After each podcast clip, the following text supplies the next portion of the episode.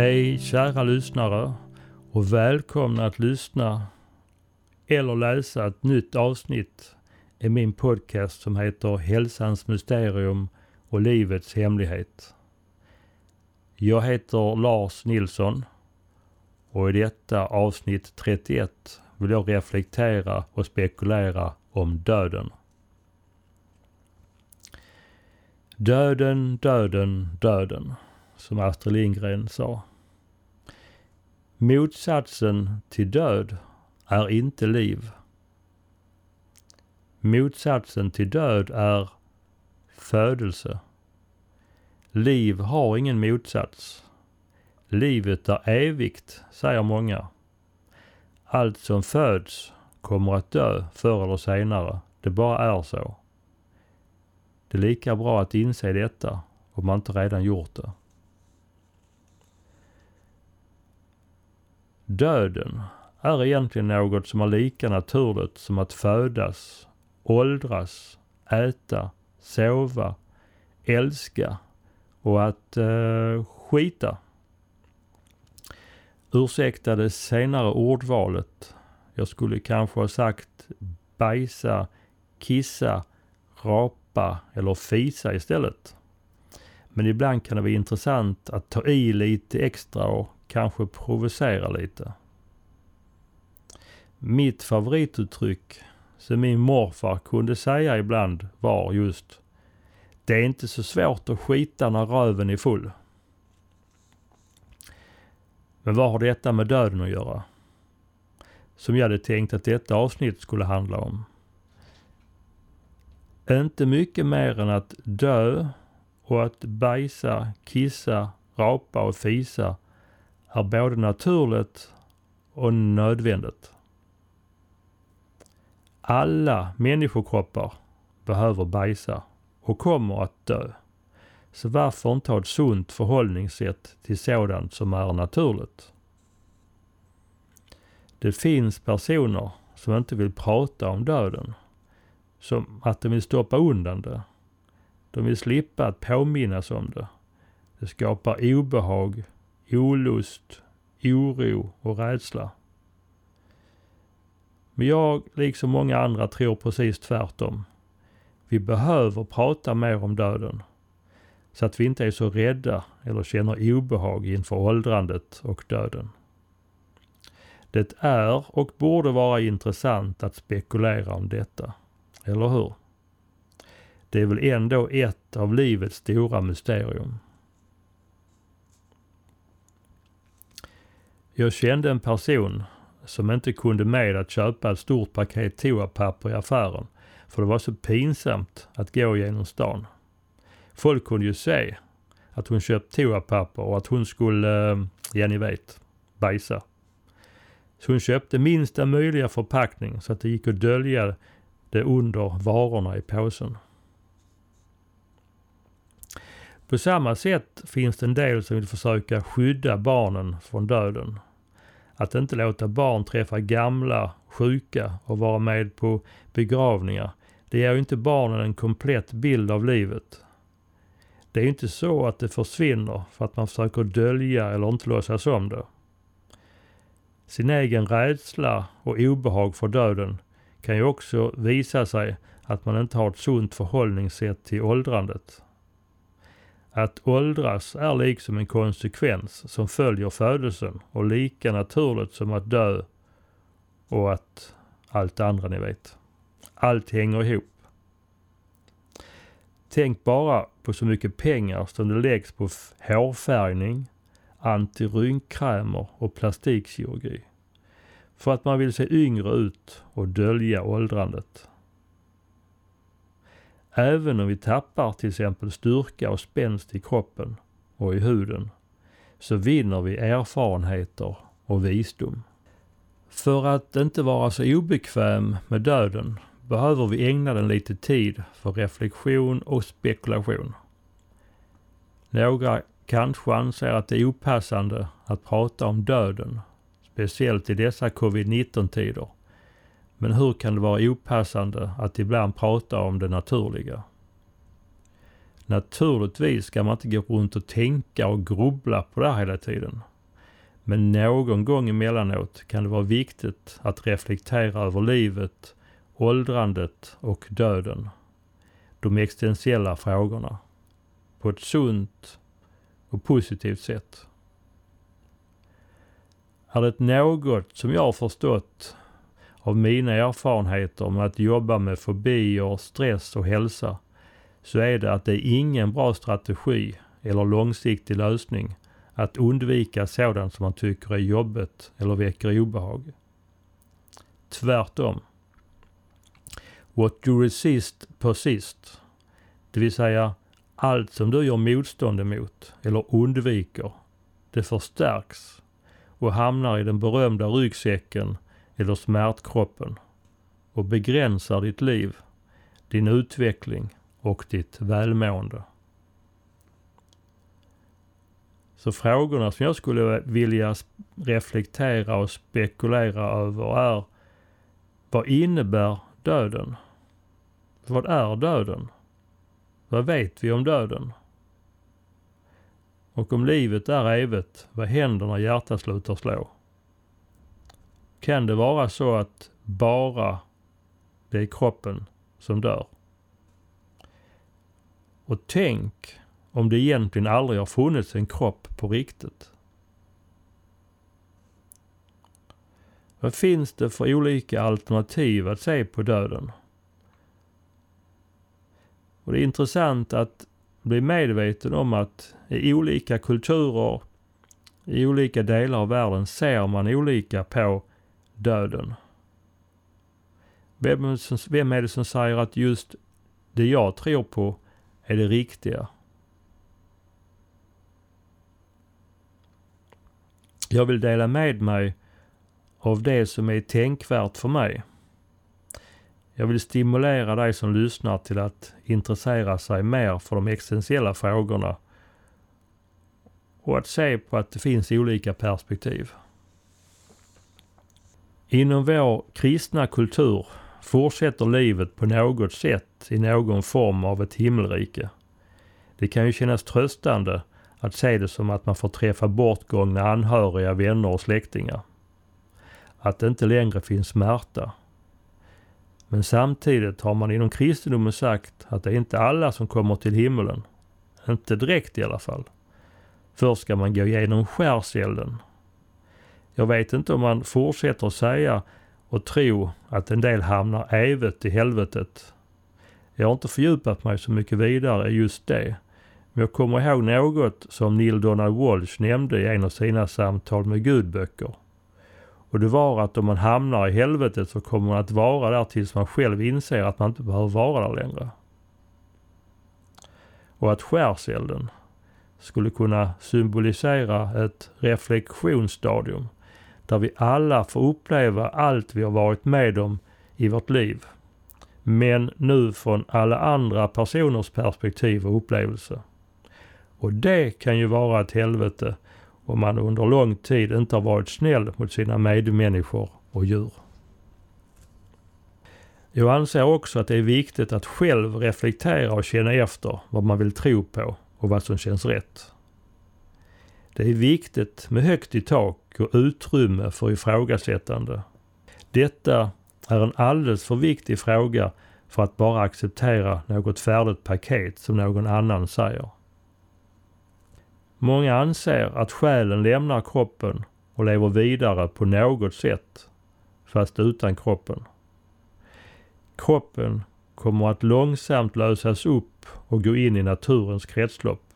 Detta verkar de flesta vara eniga om, att kroppen dör och bryts ner.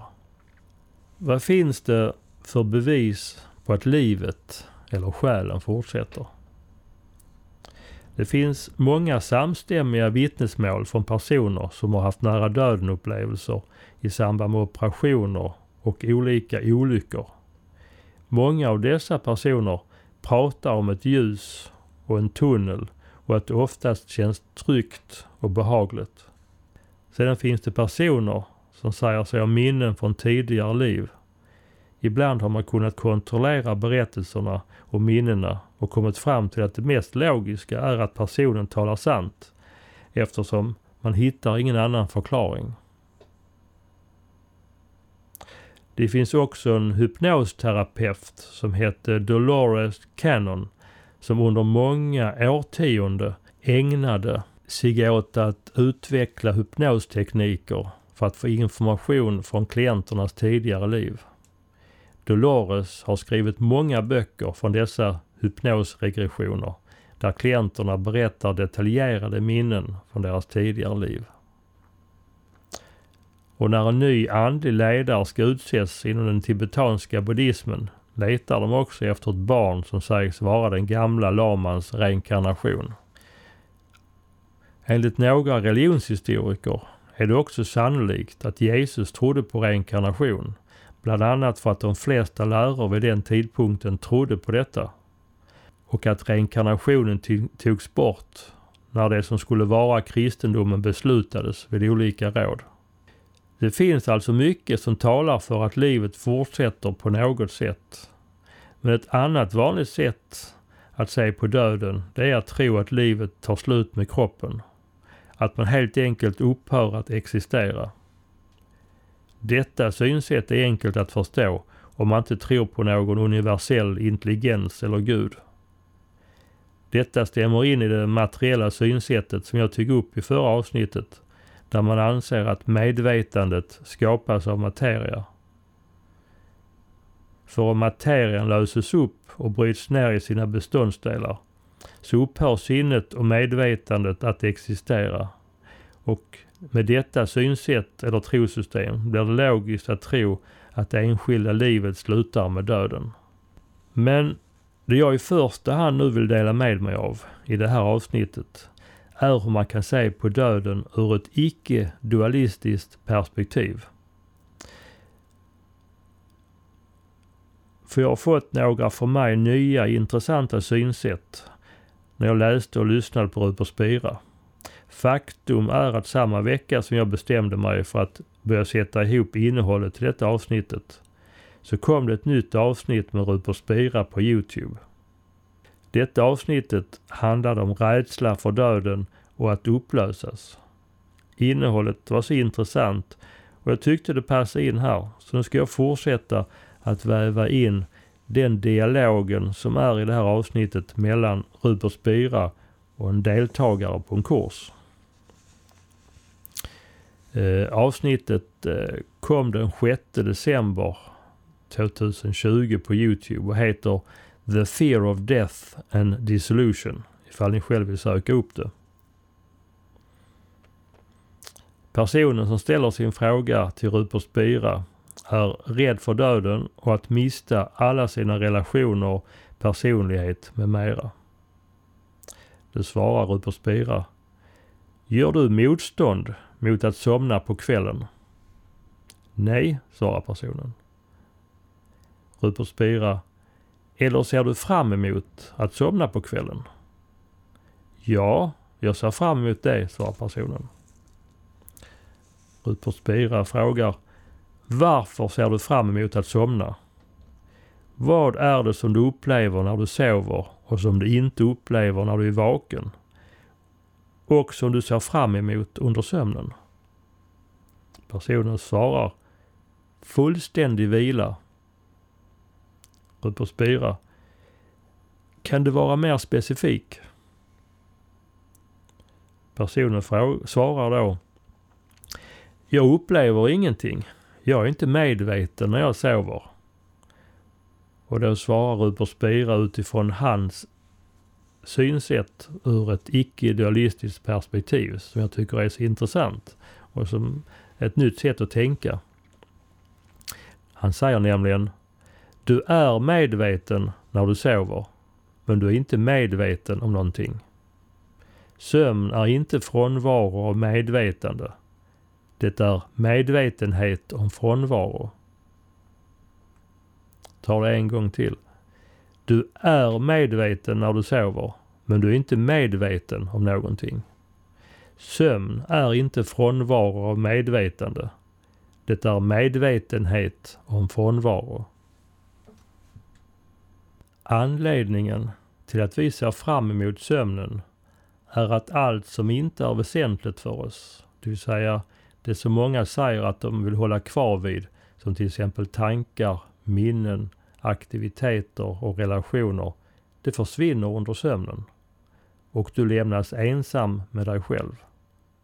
Vilket vi säger att vi ser fram emot. För att det är så fridfullt att vara ensam med sig själv.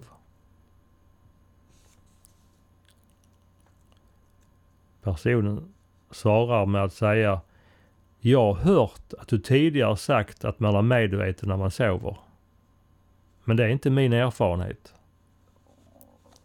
Och Rupert Spira svarar då Om du inte var medveten när du sov så skulle du inte se fram emot det. Då skulle du frukta det och vara mer rädd än för något annat. Du är inte rädd för att sova för att du vet att du fortsätter att existera. Du skulle vara rädd för sömnen om du visste att du inte existerade under sömnen. Vi ser fram emot sömnen för att den är fridfull. Om den är fridfull måste du vara där för att uppleva fridfullheten. Men du är inte medveten om tankar och känslor och det är därför det är så fridfullt. Alla våra aktiviteter som tankar, känslor och relationer försvinner. Vi ser fram emot det. Och det intressanta som Rupert Spira nu säger är varför skulle döden skilja sig från detta? Varför skulle döden skilja sig från att sova? Vi är kanske rädda för döden, för att ta bort våra tankar och känslor, alla objektiva upplevelser som vi vill behålla. Samtidigt som vi ser fram emot att det försvinner i sömnen, under djupsömnen. Personen berättar då att hon har en erfarenhet av att när hon blev angripen eller attackerad en gång tidigare i sitt liv så trodde hon att hon skulle dö. Och då släppte hon taget om allt och det kändes härligt. Rupert Spira kommenterar det med att säga När du blev attackerad, så på grund av den intensiva rädslan och hjälplösheten som du kände, så var där en spontan uppgivenhet av allting på grund av situationen. Det kom en spontan släppa taget av allting och i det ögonblicket sken din sanna natur igenom. Så när du skulle ha blivit som mest rädd så säger du att det kändes vackert istället. För i det ögonblicket skiner din sanna, fridfulla jag igenom, trots omständigheterna. Vi fruktar döden för att vi har investerat vår identitet i våra objektiva upplevelser som tankar, känslor, minnen, relationer. Därför är vi rädda för döden. Det separata självet som fruktar denna upplösning är som en nattfjäril som närmar sig ljuset eller flamman. När den ser ljuset på avstånd så är allt den vill att komma närmare ljuset. Men när den är en liten, liten bit ifrån flamman så stannar den upp och inser att för att få det som den längtar mest efter så måste den dö. Så då rör den sig bort från flamman. Och ju längre bort från flamman den kommer så saknar den den. För flamman är allt den längtar efter. Så då närmar sig nattfjärilen, nattfjärilen flamman igen. För att få det den längtar efter. Då måste den dö. Så fjärilen gör denna dans som hon nu gör. Jag vill det, men jag fruktar det. Jag vill det, men jag fruktar det. Fram och tillbaka. Det separata självet överlever inte som ett separat själv för att uppleva vad som återstår när alla våra begränsningar löses upp och försvinner. Du säger att jag vill vara kvar som ett separat själv så att jag kan uppleva allting som finns kvar när alla mina begränsningar försvunnit. Men när alla dina begränsningar försvunnit är du inte längre ett separat själv som upplever det som är kvar. Så detta att dö i flamman, det vanliga namnet för detta är frid eller lycka. Det separata självet kan inte uppleva friden och lyckan som den längtar efter. Eftersom separationen behöver komma till ett slut för att den upplevelsen ska skina. Så det är därför så många människor är i denna dans. Jag vill det, jag räds det. Jag vill det, jag räds det. Allt som vi kommer att förlora är våra begränsningar. Vår lycka och frid kommer inte från våra begränsningar. Det är vårt lidande som kommer av våra begränsningar. Du är rädd för att förlora dina relationer. Men varför håller vi av relationer? Varför älskar vi intimiteten i relationer? Det är för att i relationer förlorar vi vår känsla av separation. Det är det som är upplevelsen av kärlek. Frånvaro av känsla av separation. Så det är aldrig ett separat själv som älskar. Kärlek är frånvaro av ett separat själv. Rumi, en gammal poet, sade True lovers never really meets. Alltså sanna kärlekar möts aldrig. Kärlek är upplösningen av känslan av separation. Så döden som du räds är upplevelsen av kärlek. Det är upplösningen av allt som håller oss kvar som separerade. Ja, hur ska jag sammanfatta och avrunda allt det här? En text som poppar upp i mitt sinne är den underbara och träffande låttiteln av Timbuktu. Alla vill till himlen men ingen vill dö. Apropå nattfjärilens dans fram och tillbaka till ljuset. Vi vill uppleva vår sanna natur som är frid, kärlek och lycka. Men många vill inte släppa sitt ego och sina tankar och minnen. De flesta av oss tror att den jag är, är mitt separata själv. Det separerade självets identifikation med våra tankar, känslor, relationer, kropp och minnen. När vi tror att vi är detta så håller vi kvar oss själva i separationen och det åtskilda. Friden och lugnet som vi upplever när vi släpper taget om allting är vår sanna natur. Det är detta som vi upplever när vi bara är. Och det är detta som jag pratat mycket om i de senaste avsnitten. Jag har själv länge trott att jag inte är medveten när jag sover eftersom jag inte har några minnen. I vår kultur har vi fått lära oss att det mest riktiga tillståndet är vakenhet. Men ur ett icke-dualistiskt perspektiv blir det precis tvärtom. Vakenheten är vårt minst verkliga tillstånd. Har du tänkt på varför vi vaknar när väckarklockan ringer?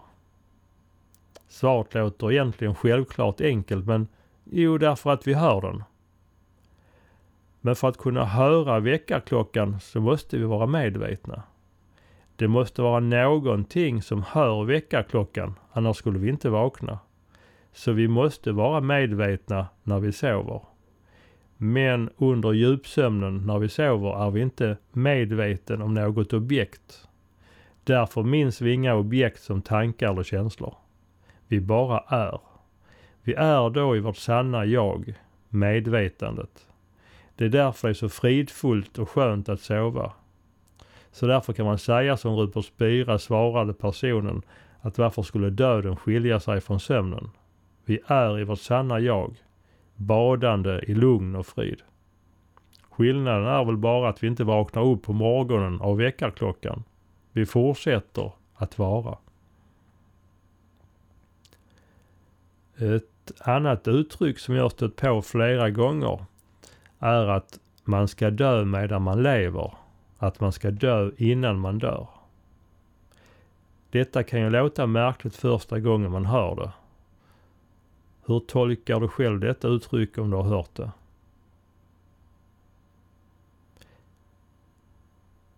Kan det vara så att man ska släppa sin identifiering med det separerade självet? att man ska släppa taget om sina objekt och tillåta sig att bara vara. Att vara sitt sanna jag. Eckart Tolle är känd för många citat. Ett av dem är, med min översättning, Döden kan liknas med att plocka bort allt som inte är du. Livets hemlighet är att dö innan du dör och upptäcka att det finns ingen död.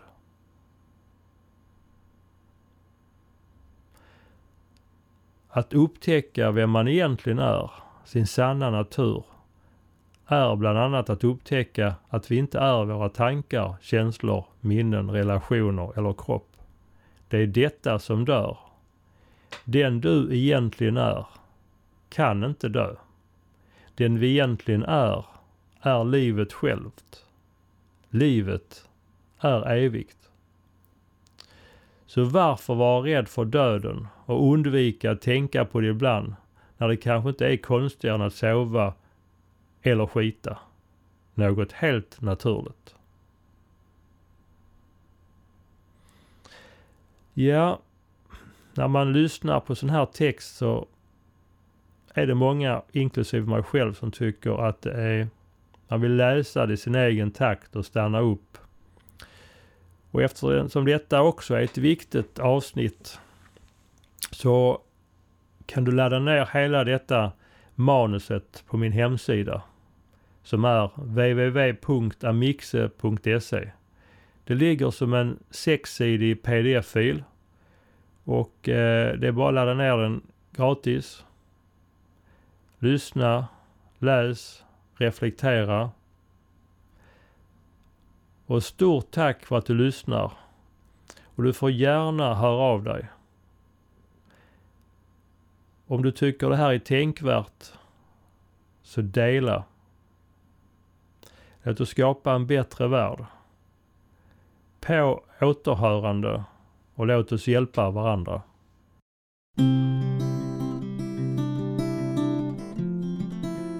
Hej då!